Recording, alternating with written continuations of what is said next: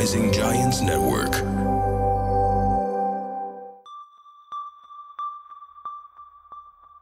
في 17 من يناير عام 1974 الجو بارد وكانت في عاصفة ثلجية في منطقة ويتشتا الأمريكية الشوارع مغطاة بكتلة ثلجية والأشجار اللي ما فيها أوراق. الكل قاعد في البيت في دفايات من نار. وعائلة أوتاريو اللي انتقلوا على البيت الجديد مبسوطين بهاليوم. العائلة مكونة من أم اللي اسمها جولي والأب جو وجوزلين وداني وتشارليو. تشارلي كان أكبرهم عمراً كان عمره 15 سنة. طلب من أبوه في هاليوم بالتحديد إنه يوصلوا على المدرسة بكير لأنه كان عنده امتحانات وحاب يراجع قبل ما يختبر. الأب يوصل آه، ابنه على المدرسة مع داني وكارمن حتى يمتحنوا الولد كان متفوق يخلص الامتحان ويرجع على البيت مبسوطين. بدهم يخبروا أهلهم إنه الامتحان كان ولا أسهل. أول ما يوصلوا ويدخلوا على البيت من الباب الخلفي ولا الكلب كان برا على غير العادة البيت في حالة سكوت تام. حقيبة الأم كانت على الغاز. تشارلي بدأ يصرخ بأعلى صوته في حد في البيت؟ ما في أي رد. ويمشي شوي شوي. وأخوان تشارلي اللي كانوا معه في المدرسة دخلوا يدوروا على أهلهم في غرفة نومهم. الأولاد يصرخوا. ويقولوا تعال تشارلي شوف بابا وماما عم بيلعبوا معنا لعبة غريبة. الأولاد مش مستوعبين. ويمشي شوي شوي وقلبه يضيق ونفسه يضيق حاس إنه في شيء مش طبيعي. ويفتح الباب ويشم رائحة الموت والخوف.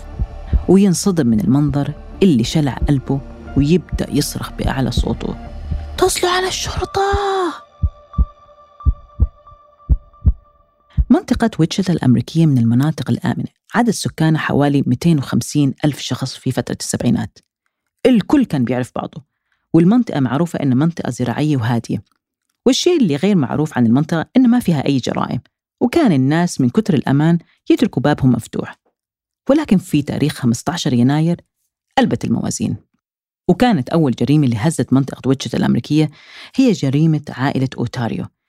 لما دخل تشارلي على البيت ولقى الأم مربوطة وممددة على السرير مخنوقة والأب بنفس الحالة جثة هامدة بدون أي حركة ويدور على أختهم جوزلين اللي كان عمرها 11 سنة.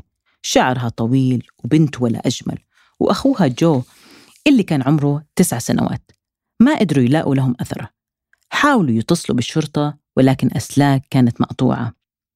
يروحوا على الجيران ويبلغوا الشرطة تيجي المكان. الشرطة تيجي المكان ويرفعوا جثة الأب والأم ويحولوا الجثة إلى الطب الشرعي اللي جاءت نتيجته الصادمة. الأم معتدى عليها والأب مخنوق ويدوروا على الأطفال المفقودين على أمل إنهم يكونوا أحياء ولا جوزلين مربوطة إيديها ومعلقة بحبل ومخنوقة شنقا في قبو البيت. وأخوها جو مخنوق في غرفته بطريقة وحشية وعنيفة وبجواره مثل الكنبة واللي اكتشفوا بعدين بعد التحاليل إن المجرم كان يستمتع بمشاهدة الولد يلفظ أنفاسه الأخيرة. الشرطة صابهم حالة من المرض والاشمئزاز من كمية الوحشية اللي شافوها لدرجة, لدرجة إنه لما الصحافة جاءت عند البيت اللي وقع فيه الجريمة وبدأت تسأل عشان تشتغل على البيان الصحفي كانوا في حالة صمت رهيب ومريب. الشرطة أخذت الأدلة والحمض النووي من مكان الجريمة لعله تنفعهم في المستقبل. كان الناس في الحي في حالة ذهول مش مصدقين هذا ممكن يصير ومين ممكن يكون الفاعل. أكيد حدا من برا هو المسؤول عن العمليات الوحشية. في نفس الحي كان يعيش شاب اسمه دينيس ريدر من مواليد 1945 شاب من عائلة متوسطة مكون من أربع أولاد وأكبرهم هو دينيس. العائلة معروفة في الحي على أنهم من أطيب العوائل المتدينين. على طول في الكنيسة يساعدوا الناس ودينيس ولد هادي يحب الصيد. يلعب مع الأولاد أول ما يرجع من المدرسة. وكانت لعبة دينيس المفضلة هو أنه يكون محقق يربط أصحابه بالحبل. هذا الشعور كان يحسسه أنه هو المسيطر والمتحكم بمصير الناس.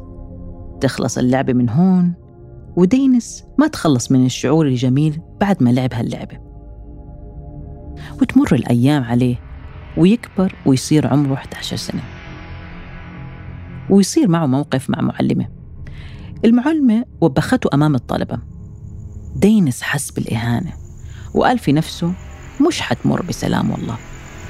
ويروح ويترصدها في الليل لما كانت في البيت مع نفسها في غرفة النوم. طلع على الشجرة وأخذ وضعية المراقب وبدأ يتجسس عليها وهي لا عندها أي حس ولا خبر باللي عم بيصير. كان بإيده حبل رابطه على خصره وتجي الأفكار الشيطانية والتخيلات إنه بده ينتقم منها بأبشع الطرق يرجع على البيت سرحان يقعد على الكنبة يفكر ويفكر وفجأة يبتسم وهون تبدأ حكايتنا.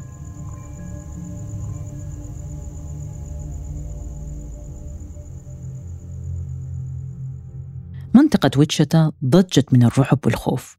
كيف ممكن تصير هالكارثة عندهم في مدينتهم الصغيرة والآمنة؟ وبالأخص عائلة بأربع أشخاص وطفلين صغار يروحوا ضحايا لجريمة وحشية الكل صار يقفل أبوابه والكل كان حريص وخايف إنه احتمال المجرم يرجع ويقتل.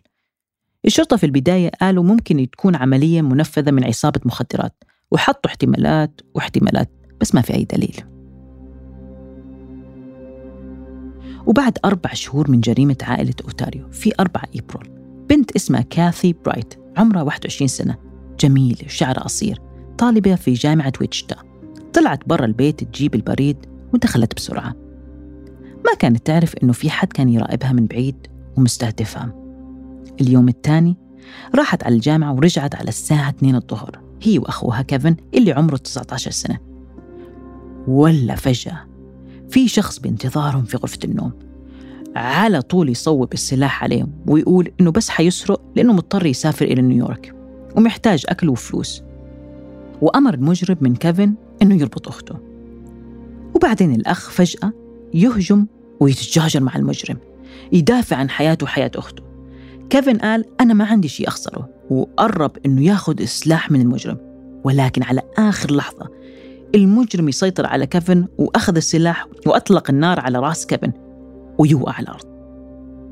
ويتلفت المجرم على كاثرين ويخلص عليها ويخنقها. البنت قاومت في البداية. بس المجرم كان أقوى منها بمراحل. حتى إنها كادت تهرب ويقوم ويطعنها أربع طعنات قاتلة.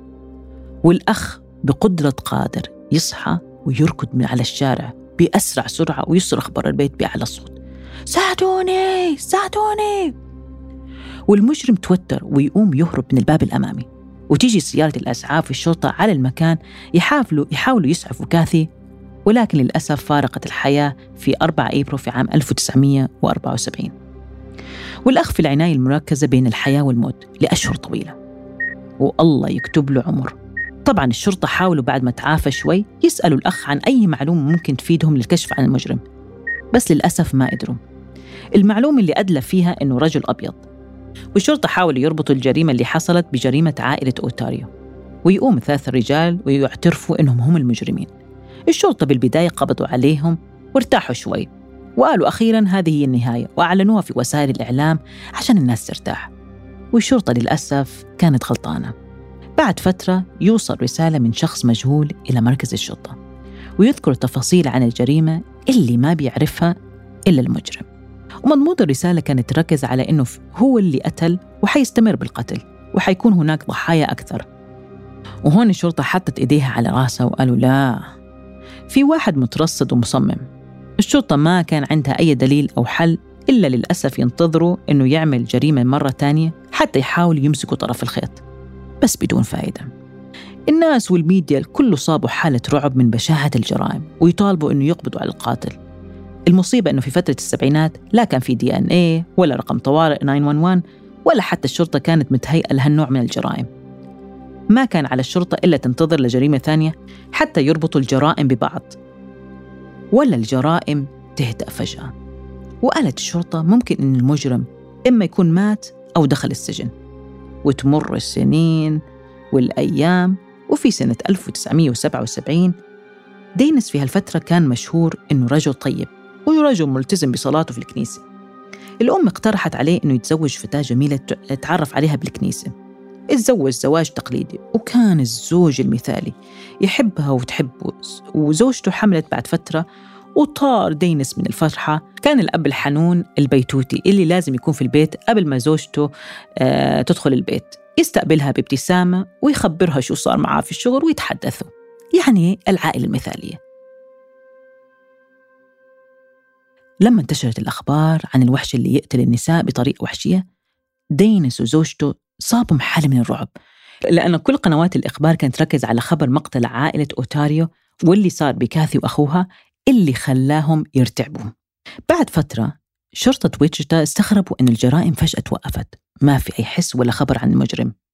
نوعا ما الحي ارتاح من الجرائم اللي كانت تصير وأعطوا تحليلهم أن المجرم إما مات أو في السجن وفي مارس عام 1977 وبالتحديد 17 مارس يقرر القاتل يدور على ضحية جديدة. ويدق على باب تشيرلي ووم بس لحسن حظه لما دق على الباب كانت مش موجودة. يرجع يدور سيارته ويسوقها في الطرقات. يتلفت يمين وشمال ويوقف ويشوف ولد صغير اسمه ستيفن. يطلع برا السيارة ويقول له أنا ضايع وجديد على الحي وأدور على رجل ويطلع له صورة. على طول الولد جاوبه لا. وترك الولد يروح. بس المجرم كان يراقبه ودق على جرس الساعة 11 و45 دقيقة الصبح. وهو لابس زي العسكري. الولد يدخله على البيت من براءته. الأم تشارلي فيان أم لثلاث أولاد عمرها 24 سنة تطلع من أحد الغرف مريضة وتعبانة وتتفاجأ برجل ضخم يهددها بسلاح. الرجل يدخل ثلاث أولاد على الحمام ويقفل عليهم الباب ويسكر الستاير ويخفض صوت التلفزيون. ويقول لتشارلي إنه أنا بس حاب أسرق. خليكي هادية. ولا راح أعمل أي شيء. يخليها تدخن ترتاح أعصابها ويربطها مثل ما ربط الضحايا من قبل. ويبدأ يخنقها بحبل كل ما تطلع روحها يخفف عنها الربطة ويعتدي عليها ويقتلها. الأولاد تصرخ وكانوا يشوفوا أمهم من فتحة صغيرة اللي كانت في الباب وهي بتلفظ أنفاسها الأخيرة. وتموت الأم أمام عيونهم وما قدروا يعملوا أي شيء. لا حول ولا قوة. ومن صريخ الأولاد العالي فجأة يرن التليفون ويضلوا يرن ويتوتر المجرم ويهرب بأسرع وقت.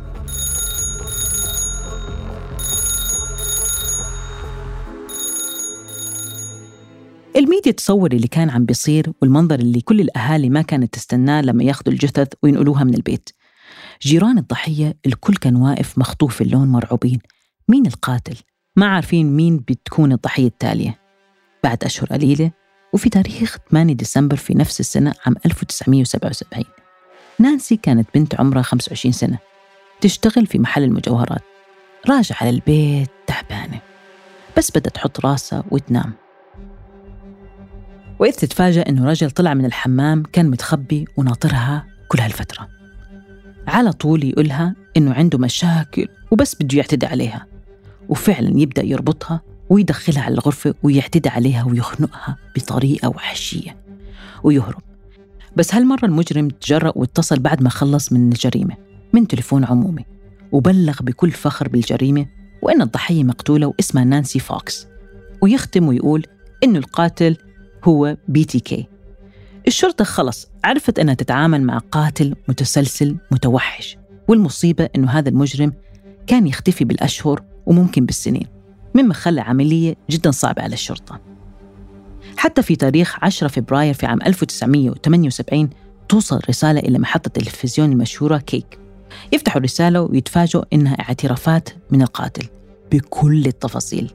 عملية القتل منها جريمة عائلة أوتاريو كاثي تشارلي ونانسي.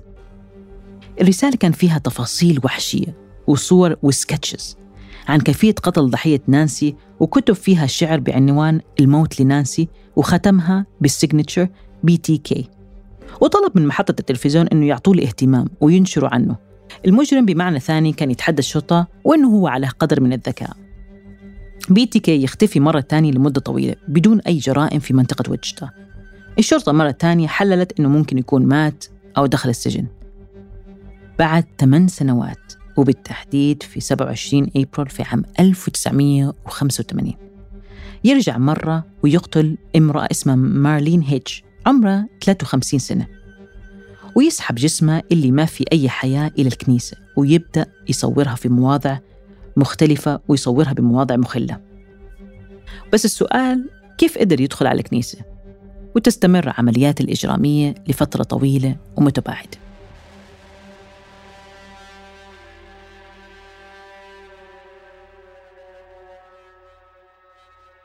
وتمر سنوات حتى يوم من الأيام جريدة ويتشيتا تنشر مقال عن جريمة عائلة أوتاريو اللي صار لها 30 سنة. BTK يرجع ويرسل رسالة للشرطة إنه بعده موجود ويطلب اهتمام من الشرطة. وتبدأ اللعبة اللي أصلا ما انتهت من جديد. المجرم يرسل رسائل فيها ألغاز في علب ال cornflakes ويكتب عليها اسمه. وفي مرة يرسل ألعاب مشنوقة بحبل. يصور الطريقة اللي خنق فيها جوزلين من عائلة أوتاريو وبعض الأحيان كان يخبي المجوهرات اللي أخذها من الضحايا ويخبيها ويطلب من الشرطة تدور عليها. طبعا مع ألغاز وتعليمات. كان لاعب بالشرطة لعب. الشرطة ما كان عندها مانع بالعكس كانوا منتظرين أنه يعمل بس خطأ واحد. وفعلا مع تطور التكنولوجيا المجرم ما كان عنده علم أو ملم فيها. BTK يرسل رسالة للشرطة أنه إذا أرسل ال floppy disk هل حيعرفوه؟ الشرطة ردت عليه بنفس الأسلوب اللي أرسله عن طريق الجريدة وتجاوب الشرطة لا كل شيء حيكون تمام. واللحظة الحاسمة. أول ما وصل ال floppy disk للشرطة على طول عاينوه وشافوا من وين كان محفوظ حتى يتبعوا الأثر الشرطة تشوف إنه اللي مستخدم الكمبيوتر كان في الكنيسة لوثرن تحت اسم دينس ريدر الشرطة في هذا الأثناء لازم تتأكد. وفعلا ياخذوا عينة من الحمض النووي ويدوروا على بنته اللي كانت تدرس في الجامعة بدون ما تعرف. وفعلا يا جماعة تطلع العينة مشابهة لعينة أبوها دينس الشرطة كانت منتظرة دينس اللي في وقتها كان راجع على البيت يتغدى. على طول. الشرطة وقفته ونزلته من السيارة واعتقلته فتشوا البيت والغرف الخاصة لدينس ولا شافوا صور لمجلات كلها كانت عبارة عن مجلات لمحققين يعتدوا على بنات بالسكاكين ومقتنيات من الضحايا غير صور لنفسه لابس ملابس نسائية بقناع رابط نفسه بنفس الطريقة ربطه للضحايا. وصور وصور وهو معلق نفسه فوق الشجرة ومرة وهو دافن نفسه حتى تعطيه الشعور حتى تعطيه الشعور بالانبساط والسعادة. هذا الجانب المريض كان ما حد يعرف عنه. حتى زوجته وأولاده كانوا متخيلين أنه الأب والإنسان المثالي ولكن الحقيقة كانت عكسك تماماً. الناس تفاجأت هذا الشخص الكبير اللي تشوفه في الشارع ولا ممكن تفكر أنه ممكن يأذي حشرة. هذا الشخص المحبوب اللي كان يروح على الكنيسة بشكل مستمر. حنون ومتكلم كيف ممكن يطلع منه هالأشياء المرعبة. ألقوا القبض عليه وبدأ يسرد بالتفاصيل لمدة يومين عن جرائمه وعدد ضحاياه العشر ضحايا اللي قتلهم بدون مشاعر. وبالعكس كان يشعر بالفخر ويقول إنه كان يتجول الشوارع وعشوائيا يحكم على بنت إنه تكون ماشية بالشارع إنها هي اللي حتكون الضحية التالية. ويدرسها وين ساكنة وين بتشتغل ويفاجئها بالقتل. حكموا عليه بالمؤبد 170 سنة بدون احتمالية الخروج المشروط. وفي اليوم الحاضر هو عايش في السجن الانفرادي ويقضي ما تبقى من عمره في السجن. وبرأيي أنه بي تي كي كان يستاهل الحكم اللي انحكم عليه أنه المؤبد بدون احتمالية